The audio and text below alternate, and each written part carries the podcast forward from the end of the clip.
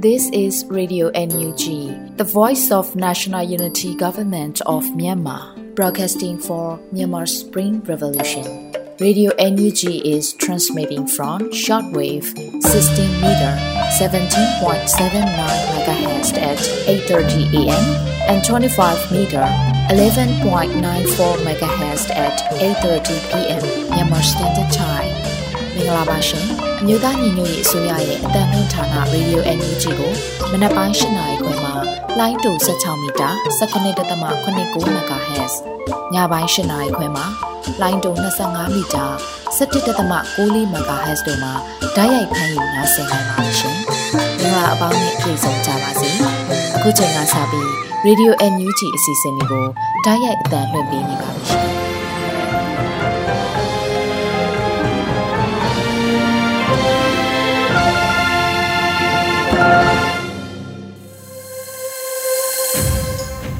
မြန်မာနိုင်ငံသူနိုင်ငံသားအပေါင်းတဘာဝပြီးစစ်အာဏာရှင်ဘေးတို့ကနေကင်ဝေးပြီးကိုစိတ်နှပါကြားမလုံးခြုံပေးကင်းကြပါစေလို့ရေဒီယို UNG ဖွဲ့သားများကဆုတောင်းမေတ္တာပို့သလိုက်ရပါတယ်ရှင်။အခုချိန်ကစပြီးရေဒီယို UNG ရဲ့နောက်ဆုံးရသတင်းများကိုအေရီကဖတ်ကြားတင်ဆက်ပေးမှာဖြစ်ပါတယ်ရှင်။မင်္ဂလာပါရှင်။အခုချိန်ကစပြီး Radio NUG ညပိုင်းသတင်းတွေကိုတင်ပြပေးတော့မှာဖြစ်ပါတယ်။အခုတင်ပြပေးမယ့်သတင်းတွေကိုတော့ Radio NUG သတင်းတာဝန်ခံနေနဲ့ခိုင်လုံတဲ့မိဖက်သတင်းအရင်းမြစ်တွေကနေအခြေခံထားတာဖြစ်ပါတယ်။ကျွန်မကတော့ Airy ပါရှင်။ပထမဆုံးအနေနဲ့အမျိုးသားညီညွတ်ရေးအစိုးရရဲ့ကြေညာချက်အမှတ်ရှင်မြင်းဆောင်2022ကိုဖတ်ကြားတင်ပြပေးပါမယ်။ပြည်ထောင်စုသမ္မတမြန်မာနိုင်ငံတော်အမျိုးသားညီညွတ်ရေးအစိုးရက2022ခုနှစ်ဧပြီလ10ရက်နေ့ရက်စွဲနဲ့ကြေညာချက်အမှတ်ရှင်မြင်းဆောင်2022ကိုထုတ်ပြန်လိုက်ပါတယ်။အဲ့ဒီကြေညာချက်အပြည့်အစုံမှာ ဖခင်ဖြစ်သူအားရှာဖွေမတွေ့သဖြင့်၄နှစ်အရွယ်သားဖြစ်သူကိုမူကြိုကျောင်းမှနေ၍အကြမ်းဖက်စစ်ကောင်စီတပ်ဖွဲ့များကအရက်ဝတ်များဝတ်ခါတစားကန်အဖြစ်ဖမ်းဆီးခေါ်ဆောင်သွားသည့်ဖြစ်ရတကူဧပြီလ9ရက်နေ့တွင်အလုံမြို့နယ်အတွင်းဖြစ်ပွားခဲ့ပါသည်ကလေးငယ်အားဖမ်းဆီးခေါ်ဆောင်သွားချိန်မှစ၍ယခုအချိန်အထိမြည်သည့်နေရာတွင်ထားရှိသည်ကိုလည်းမသိရှိရသေးပါ ကလေးငယ်ဤမိခင်အားဖမ်းဆီးထားပြီးစစ်ကြောရေးလုပ်နေစဉ်ကာလအတွင်းကလေးငယ်အားထပ်မံဖမ်းဆီးခြင်းဖြစ်သောကြောင့်ကလေးငယ်နှင့်မိခင်တို့၏အသက်အန္တရာယ်ပါစိုးရိမ်ပွဲရအခြေအနေဖြစ်ကြောင်းသိရှိရပါသည်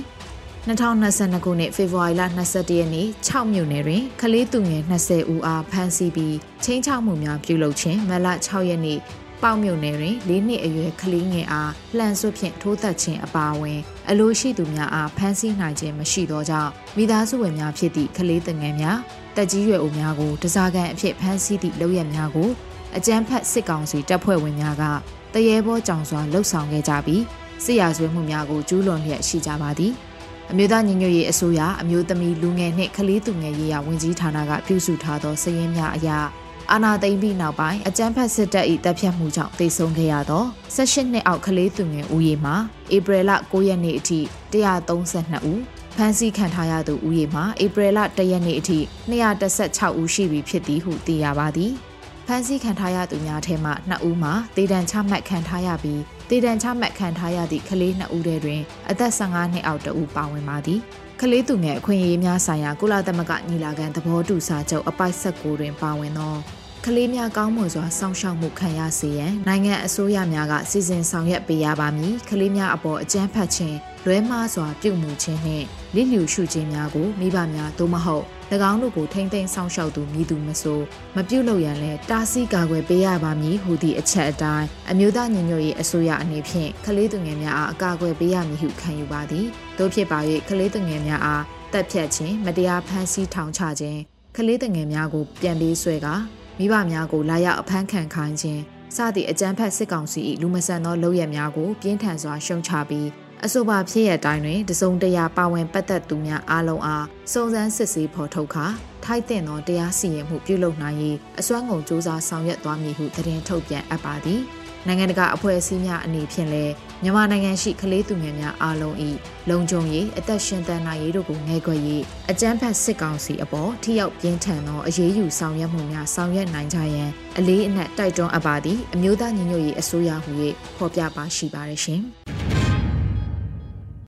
ဆက်လက်ပြီး KCA တနှစ်ပြည့်အထိမ်းအမှတ်နေ့မှာ PDF ကလေးရဲ့တိုက်ခိုက်မှုကြောင့်စစ်ကောင်စီတပ်ဖွဲ့ဝင်9ဦးသေဆုံးခဲ့တဲ့တဲ့တင်ကိုတင်ပြပေးပါမယ်။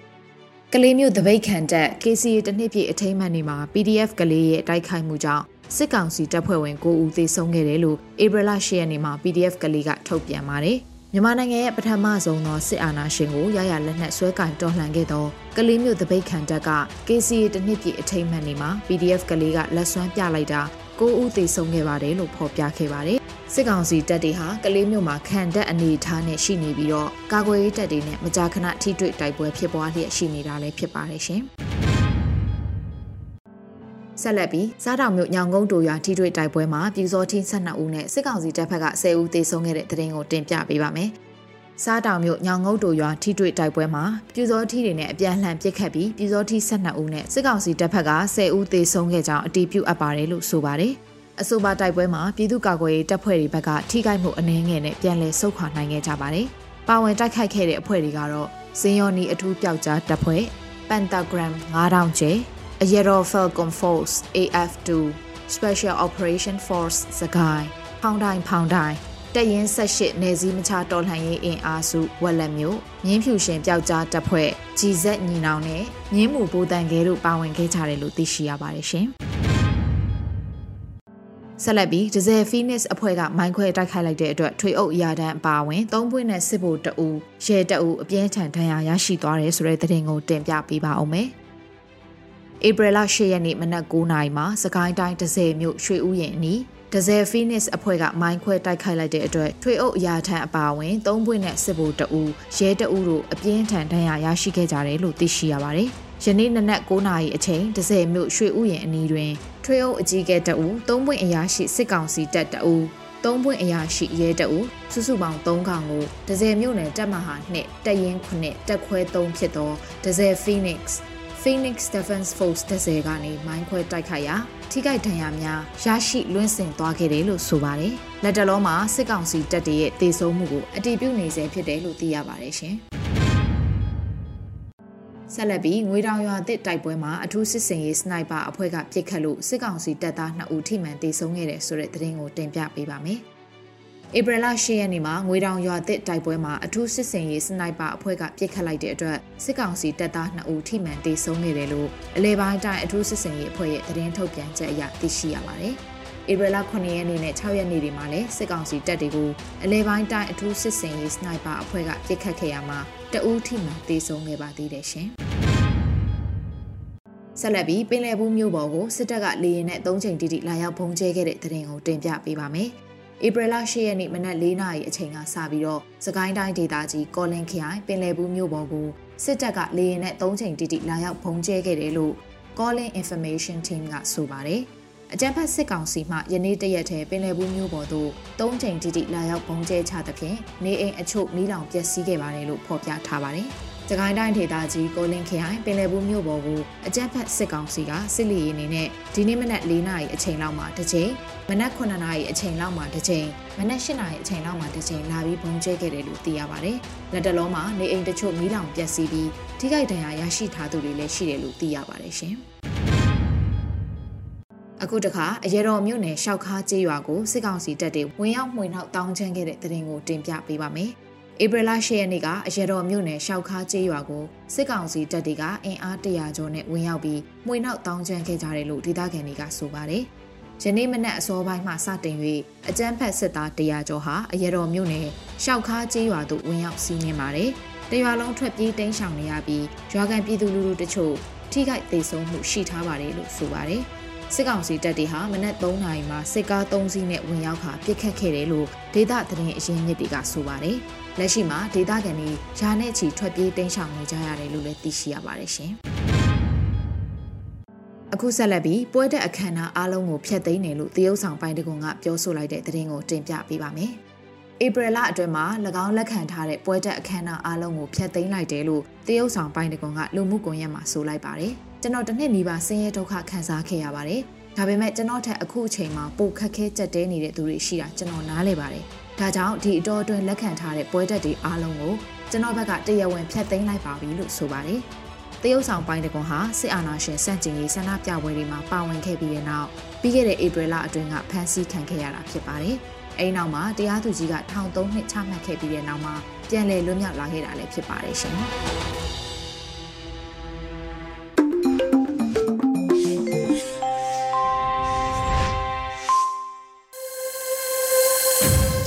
Radio UNG ရဲ့နောက်ဆုံးရသတင်းများကိုနားဆင်ကြရတာဖြစ်ပါတယ်။ဆက်လက်နားဆင်ရမှာက CDM တွေရဲ့အတန်နဲ့အာမအစီအစဉ်ကိုမိုးမခကတင်ဆက်ပေးမှာဖြစ်ပါတယ်ရှင်။အောင်းတိုင်များပြီးခဲ့တဲ့ဖေဖော်ဝါရီလ28ရက်နေ့တုန်းကမန္တလေးကစီဒီယန်သူနာပြုဆရာမတယောက်ကိုကိုကိုအဆုံးစီရင်သွားတယ်။အဲ့ဒီသတင်းကိုကျွန်တော်ကြားသိခဲ့ရတော့ကစိတ်ထဲမှာတွေးမိတာတစ်ခုရှိတယ်။ ဘလို့အကြောင်းတရားတွေကသူ့ကိုယ်သူတက်သေးဖို့အထိဖြစ်သွားစေတယ်လေ။မသေးခင်မှာသူမကဘလောက်တောင်စိတ်ပြက်နာကြီးစရာတွေကြုံတွေ့ခဲ့ရတယ်လဲဆိုပြီးတော့တွေးမိတယ်။တကယ်တော့ຫນွေဦးတော်လိုင်းကိုစတင်အသက်သွင်းပေးခဲ့ကြတဲ့စီဒီယန်ဝန်ထမ်းတွေဟာအင်မတန်လေးစားစရာကောင်းတယ်လို့တနာစရာလည်းကောင်းကြတယ်။ဘာဖြစ်လို့လေးစားစရာကောင်းတာလဲဆိုတော့အစားအစာရအခြေကျနေတဲ့ဝန်ထမ်းဘဝယာရုနေအိမ်စီးစိမ်တွေကိုဆုံးလွတ်ခဲ့ကြလို့ပဲ။တ ကယ်လို့သာစီဒီယန်ဝန်ထမ်းတွေသာမရှိခဲ့ရင်မြန်မာပြည်ဟာစစ်ကြုံဘဝကိုပြီးခဲ့တဲ့2021ခုနှစ်ဖေဖော်ဝါရီလ1ရက်နေ့ကလေးကအပြီးတိုင်ကြောက်သွားမှာဖြစ်တယ်။ဌာနဆိုင်ရာစီဒီယန်ဝန်ထမ်းတွေရဲ့အနစ်နာခံတိုက်ပွဲဝင်မှုစီဒီယန်မှာပူးပေါင်းပါဝင်ပေးမှုတွေကြောင့်ຫນွေဦးဒေါ်လာရင်ရအင်အားကောင်းမှုခဲ့တာဖြစ်တယ်။အစင်းကြီးဒီတိုးတက်ပြောင်းလဲလာတာဖြစ်တယ်။အခုလိုမျိုးလက်နက်ကင်ဒေါ်လာရင်အဆင့်ကိုမပြောင်းလဲနိုင်ခင်မှာ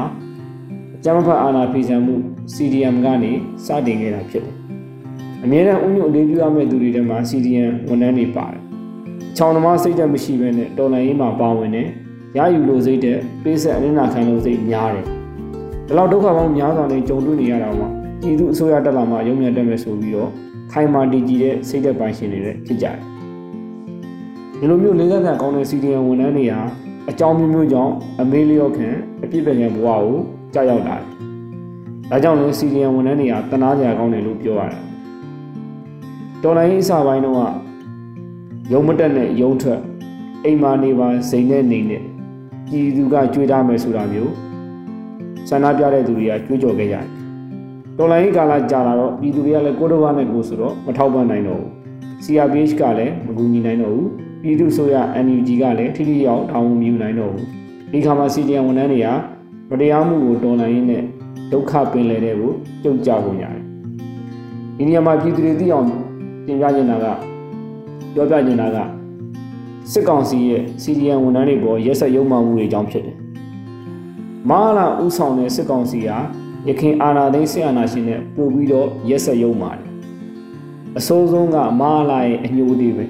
။သူက CDM ကြောင့်လူဦးတော်လိုင်းရဲ့အသက်ဝင်အောင်မြင်ခဲ့တာကိုသဘောပေါက်တဲ့ကြောင့်မလို့ CDM ဝန်ထမ်းတွေကိုရဲရဲဆက်ဆက်နှိပ်ကွက်တယ်။ အရင်အာဏာသိမ်းခေါင်းဆောင်တွေတုန်းက CDM ဝန်ထမ်းတွေကိုအလုပ်ပဲထုတ်ပစ်တယ်။အ ਨੇ စုလောက်ကိုသာဖမ်းဆီးထောင်ချတယ်။မဟာလာလက်ထက်လက်ထက်လက်ထက်မှာကြတော့ CDM ဝန်ထမ်းတွေကိုအလုပ်ထုတ်ပြုံနဲ့အားမရဘဲနဲ့ဖမ်းဆီးတယ်ထောင်ချတယ်တပ်ဖြတ်တယ်။အဖမ်းမခံရပဲလွတ်မြောက်နေတဲ့သူတွေကိုလည်းဆက်လက်အသက်ရှင်ဖို့ခဲရင်အောင်ခက်ခဲအောင်ဒီမျိုးစုံနဲ့ရုံပါတယ်။ CDM ဝန်ထမ်းဆိုရင်အလုံးမခံဖို့ဆိုပြီးတော့အလုံးမခံဖို့အတွက်ပုဂ္ဂလိကလုပ်ငန်းရှင်တွေလုပ်ငန်းတွေကိုအမိန့်ပေးတယ်လမ်းညွှန်ချက်ထုတ်တာ အဲ့လိုမျိုးပြည်တွင်းမှာငတ်ပြီးသေအောင်လို့စီစဉ်ထားသလိုမျိုးပြည်ပမထွက်နိုင်အောင်လည်းတေချာပိတ်ဆို့တာလေ CDM ဝန်ထမ်းတွေရဲ့ကိုယ်ရေးချက်လက်တွေစီးရင်တွေကိုလာဝကစီပူတာပြီးတော့လေစိမ့်မှာဖမ်းမှုဆိုပြီးအမိန့်ပေးတာအဲ့လိုမျိုးနီလန်ပေါင်းစုံနဲ့ဒုက္ခပေးခံနာရတဲ့အခါမှာ CDM ဝန်ထမ်းတွေဟာစိတ်ဒဏ်ရာ trauma တွေရကုန်ကြတယ်။ CDM ဝန်ထမ်းအများစုကြုံရတဲ့ trauma ၄မျိုးကိုလေ့လာတွေ့ရှိရတယ်။ နံပါတ်၁ကလူကိုတယောက်လိုခံစားမိတဲ့စိတ်ဒဏ်ရာ trauma ပဲ။ CDM ဝန်ထမ်းအများစုကိုလေ့လာကြည့်လို့ရှိရင်အာနာမသိခင်တုန်းကသူတို့ကအလုပ်ကိုရိုးရိုးသားသားနဲ့စူးစမ်းလုပ်တဲ့သူတွေဖြစ်ကြောင်းတွေ့ရတယ်။စစ်တပ်အာဏာသိမ်းတာကိုလက်မခံနိုင်လို့သာသူတို့ရဲ့အလုံးနဲ့ယာရုကိုဆုံးလုပ်ခဲ့ရတယ်။အရင်တော့ကတော့အလုပ်ပေါ်တန်မိုးထားတဲ့သူတွေကုတောင်ကိုကြေပူနေကြေပူလူတွေဖြစ်ကြောင်းတွေ့ရတယ်။အိုးအောက်ခြေဝန်ထမ်းတန်ရှင်းဝန်ထမ်းအနေစပြီးအစင်းမြင့်အရာရှိကြီးပါမောက္ခချုပ်အဆင့်ထိ စီရီယံဝန်ထမ်းတွေရဲ့စိတ်တက်တဲ့ခံယူချက်ဟာအတူတူပဲ။အဲ့လိုအလုပ်ကြိုးစားတဲ့သူတွေကစီရီယံလုပ်တဲ့အချိန်မှာအလုပ်မလုပ်ရတော့ကိုကိုကိုလူကိုတယောက်လိုခံစားမိကြကြတယ်။ဒါစီရီယံဝန်ထမ်းအများစုကြုံရတဲ့စိတ်တန်ရာ trauma ပဲဖြစ်တယ်။နံပါတ်1စီရီယံဝန်ထမ်းတွေကြုံရတဲ့စိတ်တန်ရာကလုံခြုံရေးဆိုင်ရာစိတ်တန်ရာမလုံခြုံမှုခံစားရတဲ့စိတ်တန်ရာပေါ့ trauma ပဲတော်လိုင်းအစကတည်းကနေအခုချိန်ထိစီဒီယံဝန်ထမ်းတိုင်းခံစားရတာမလုံခြုံမှုပဲ ဘယ်အချိန်ကိုလာဖမ်းမလဲတွိုင်းလာရင်ဖမ်းခံရမလားကို့စီဒီယံဆိုပြီးတယောက်ကတိုင်လိုက်လို့အဖမ်းခံရမလားဆိုပြီးတော့မလုံခြုံမှုကိုခံစားရင်းနဲ့နေ့ရက်တိုင်းကိုဖျက်ဆီးနေရတယ်လွန်မြောက်နေနေမြေကိုမသွားနိုင်တဲ့ညီပြတ်မှာနေထိုင်တဲ့သူတွေပေါ့နော်အဲ့ CDN ဝန်ထမ်းတွေကလုံခြုံရေးဆိုင်ရာစိတ်တန်ရာသူတို့မှရှိတယ်ညဘက်ခွေးအောင်တန်းကြရင်လန့်လို့တာရေကားစက်ကားတွေတွေ့ရင်လန့်နေတာလူစိမ့်မြင်ဘသူလဲဘာဖြစ်နိုင်မလဲဆိုပြီးစိုးရင်ပူပန်နေကြ နံပါတ်3ချက်အနေနဲ့ CDN ဝန်ထမ်းတွေကြုံတွေ့ရတဲ့စိတ်တန်ရာ trauma ကစားဝတ်နေကြတဲ့မှုကြောင့်ရတဲ့သိငယ်မှုစိတ်တန်ရာ CDN လောက်ကြတဲ့ဝန်ထမ်းအများစုကအောက်ခြေဝန်ထမ်းတွေများတယ်။ချို့တော့အရာရှိတွေကလည်းဝန်ထမ်းပေါ်မှာမှန်မှန်ကန်ကန်နေထိုင်ခဲ့တဲ့သူတွေဖြစ်တယ်။အဲကြောင့်မလို့သူတို့မှာငွေဝင်ငွေရှမ်းမရှိကြဘူး။ဝန်ထမ်းဘဝမှာဂွင်ကောင်းတဲ့ဝန်ထမ်းတွေကလည်းမတရားမှန်းသိပေမဲ့အခုလိုအဖြစ်အပျက်တွေကိုမတရားမှန်းသိပေမဲ့ သူတို့အုံနောက်ကအမှန်မှခွဲခြားနိုင်ပေမဲ့လည်း CDN မလုပ်ကြဘူး။ဘာလို့လဲဆိုတော့ရထားတဲ့ရပိုင်ခွင့်တွေအခွင့်အရေးတွေကိုဆုံးရှုံးမခံနိုင်လို့အဲ့တော့အကြောင်းမကျတဲ့မျိုးစုံတွေးပြီး CDN မလုပ်ကြဘူး။ CDN လုပ်တဲ့ဝန်ထမ်းအများစုကြတော့အလုပ်ပြုတ်လာစားမရတော့စောင်းနေကြက်တဲကုန်ကြတယ်။ထောက်ပံ့ကြည့်လည်းဘယ်မှမရအလုပ်ကိုင်လည်းအဆင်မပြေတဲ့အခါမှာတိမ်နေမှုတွေနဲ့စိတ်တန်ရာတွေရကုန်ကြတယ်။နံပါတ်၄အချက်အနေနဲ့ CDN ဝန်ထမ်းတွေကြုံရတဲ့စိတ်တန်ရာ trauma ကတော့ခွဲခြားဆက်ဆံမှု ခံရတဲ့ကြောင့်မလို့ရတဲ့စိတ်တန်ရာဂုံတိတ်ခါဆိုတာကိုနားမလည်တဲ့ပုံဝန်းကျင်အမှန်မှားဆိုတာတဲ့ယာရုအာနာကိုမမောကြတဲ့ပုံဝန်းကျင်မှာနေထိုင်တဲ့ CDN တွေကခွဲခြားဆက်ဆံခံရတယ်။တချို့ဆိုရင်ဆွေမျိုးသားချင်းအရင်းတွေရဲ့ခွဲခြားဆက်ဆံတာခံရတယ်။တချို့ဆိုရင် CDN ဝန်ထမ်းချင်းချင်းတော့အပြန်ခွဲခြားဆက်ဆံတာခံရတယ်။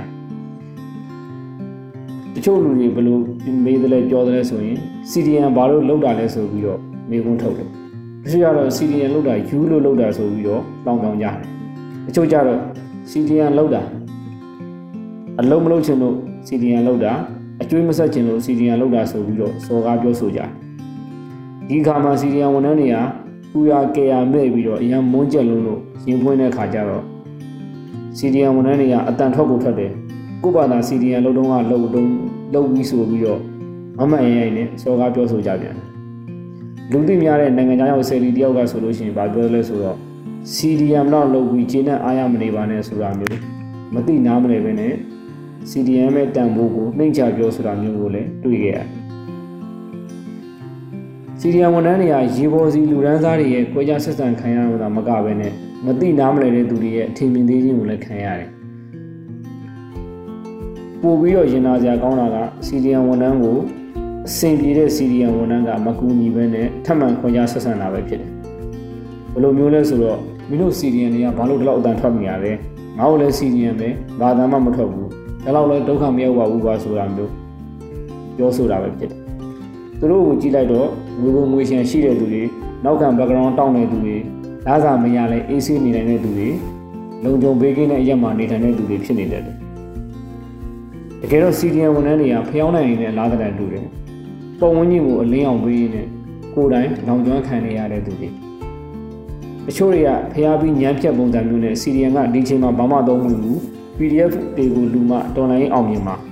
CDM တွေမှာခြေလက်အကောင်းကြီးသူတို့ဘာသာရှားစားနိုင်တယ်ဆိုတာမျိုးနဲ့ပြောဆိုနေကြတယ်။အဲ့ဒီခြေလက်အကောင်းတွေကိုအလွယ်တကူမလှုပ်နိုင်အောင်စစ်တပ်ကရုံမာထားတယ်ဆိုတော့သူတို့မသိတာလား။ဒါမှမဟုတ်တိလျက်နဲ့တမင်ကျေးဇူးကံလားဆိုတာတော့မပြောတတ်ပါဘူး။ လောင်စာမကုံစည်းရောဆက်လက်ပြီးအလင်းပေးနေဦးမှာပါပဲ။တမိုးထားခြင်းခံရသည်ဖြစ်စေမခံရသည်ဖြစ်စေဆက်လက်တောင့်ခံနေဦးမှာပါပဲ။စစ်ဖနောက်ဒူးထောက်လိုသိမ်းမှမရှိတော့ဘူး။နောက်မျိုးဆက်တွေလေးတွေကိုကျွန်တော်တို့အခုခံစားနေရတဲ့ဒုက္ခမျိုးတွေမခံစားသေးချင်တော့ဘူး။ဘလောက်ပဲသိငင်ရပါစေဘလောက်ပဲတဲ့ရည်လူစော်ကားခံရပါစေဆက်လက်တောင့်ခံပြီးတိုက်ပွဲဝင်သွားပါမယ်။ရေးတော့ဘုံ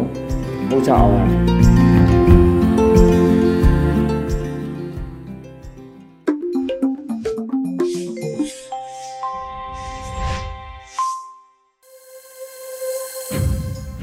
ရေဒီယို UNG မှဆက်လက်တမ်းလွှင့်နေပါတယ်။ Radio UNG ရဲ့တော်လှန်ရေးတိတ်ဂီတစီစဉ်ကနေနားဆင်ရမှာက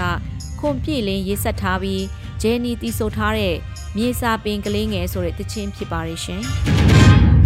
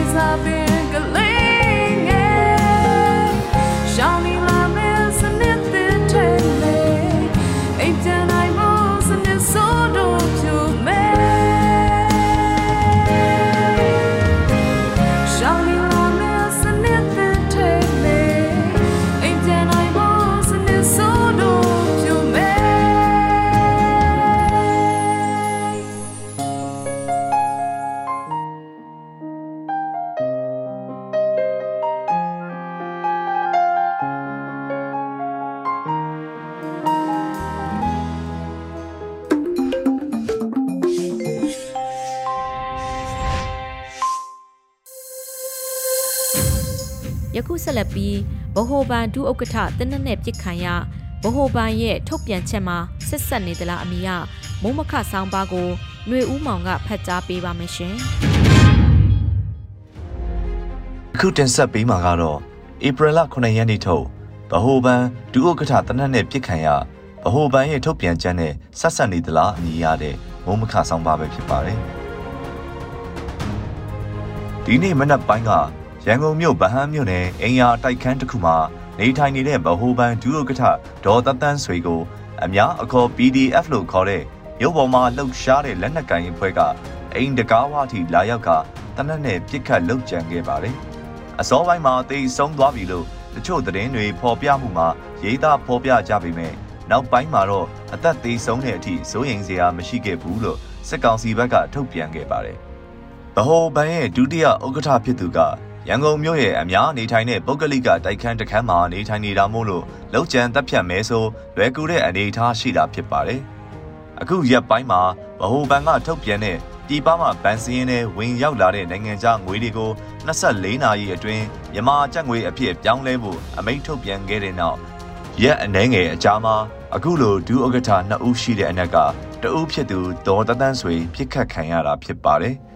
ဗဟိုဘဏ်ရဲ့ထုတ်ပြန်ချက်ဟာမြန်မာနိုင်ငံရဲ့စီးပွားရေးကိုကြည့်ရရိုက်ခတ်မှုရှိတာအမှန်ပဲဖြစ်ပါတယ်။ပို့ကုန်လုပ်ငန်းနဲ့သွင်းကုန်လုပ်ငန်းတွေကိုဓာတ်ရိုက်တိုက်ရောက်မှုရှိမှာဖြစ်ပြီးအခြားသောနိုင်ငံတကာ NGO တွေပြည်ပငွေကြေးအကောင့်ဖွင့်ထားတဲ့ပြည်တွင်းအရက်ဖတ်အဖွဲ့အစည်းတွေပြည်ပမှာအလုပ်လုပ်ကိုင်နေကြတဲ့သမောသားတို့လိုတဦးချင်းတွေရဲ့ဗန်စရင်တွေနဲ့ပြည်တွင်းမှာနိုင်ငံခြားငွေစင်းဖွင့်ထားတဲ့နိုင်ငံတကာကုမ္ပဏီတွေအထိတက်ရောက်မှုရှိမှာဖြစ်ပါတယ်။နိုင်ငံခြားငွေပြက်လက်လာတာကြောင့် အခုလိုတလအချိန်ကတ်သက်ထားရကတရက်အတွင်းမြန်မာကျပ်ငွေပြောင်းဖို့အမိန့်ထုတ်လိုက်တာလို့အချို့ကကောက်ချက်ချကြပြီးဈေးကွက်ရဲ့နှုံထားကိုဈေးကွက်ကဆုံးဖြတ်စေတာမဟုတ်ပဲထိန်းချုပ်သတ်မှတ်ထားတာမျိုးဟာမောင်ခိုဈေးကွက်ပေါ်လာဖို့အားပေးတယ်လို့ဖြစ်စေပြီးမလိုလားအပ်တဲ့အကျိုးသက်ရောက်မှုတွေဖြစ်လာစေမှာလို့ကောက်ချက်ချကြပါတယ်။ အခုလိုစီးပွားရေးနယ်ပယ်ကလုပ်ငန်းရှင်တွေမလိုလားတဲ့အမိန့်ထုတ်တဲ့ဗဟိုဘဏ်ရဲ့ဒုဥက္ကဋ္ဌတယောက်ကိုလှုပ်ချန်တပ်ဖြတ်ဖို့လှုံ့ဆော်လာတာဟာနိုင်ငံရေးအဖွဲ့အစည်းတွေရဲ့ရည်ရွယ်ချက်တသက်ပဲလားသို့မဟုတ်စီးပွားရေးလောကရဲ့ပယောဂပါနိုင်သလားဆိုတဲ့တန်တရားယူဆချက်တွေလည်းရှိနေကြတာဖြစ်ပါတယ်။ဒီလိုဖိအားပေးတဲ့နီးအသက်အန္တရာယ်ကိုချိန်ချောက်တဲ့နီးနဲ့စစ်ကောင်စီရဲ့ငွေကြေးဆိုင်ရာ policy မူဝါဒကိုပုံသွင်းဖို့ကြိုးစားတာလည်းဖြစ်ကောင်းဖြစ်နိုင်တယ်လို့ဆိုကြပါတယ်။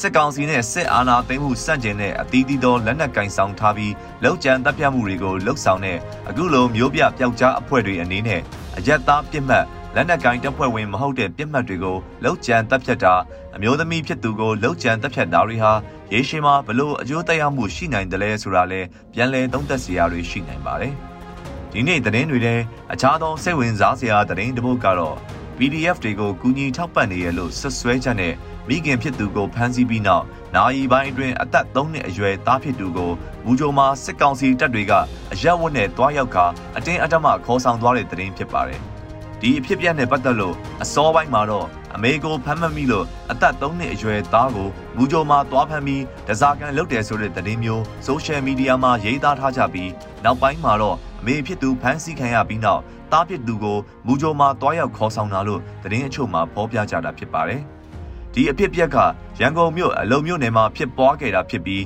တားဖြစ်သူနဲ့အမေဖြစ်သူအတူတူထားသလားဘလို့ဆက်လက်လှုပ်ဆောင်မလဲဆိုတဲ့နောက်ဆက်တွဲအခြေအနေတွေတော့မသိရှိရသေးပါဘူး။ဒီကနေ့ဖို့အခြားသောသတင်းတစ်ပုဒ်ကတော့ပေါက်မြို့နယ်မှာကပ္ပဆလို့အတူကောက်ခေါ်တဲ့ စစ်ပစ္စည်းထုတ်လုပ်ရေးစက်ရုံကပစ္စည်းတင်လာတဲ့ကုန်တင်တွဲကားနဲ့လုံခြုံရေးလိုက်ပါလာတဲ့စစ်ကောင်စီတပ်ဖွဲ့ဝင်အချို့ပါပျောက်ဆုံးသွားတဲ့သတင်းထွက်ပေါ်ပြီးနောက်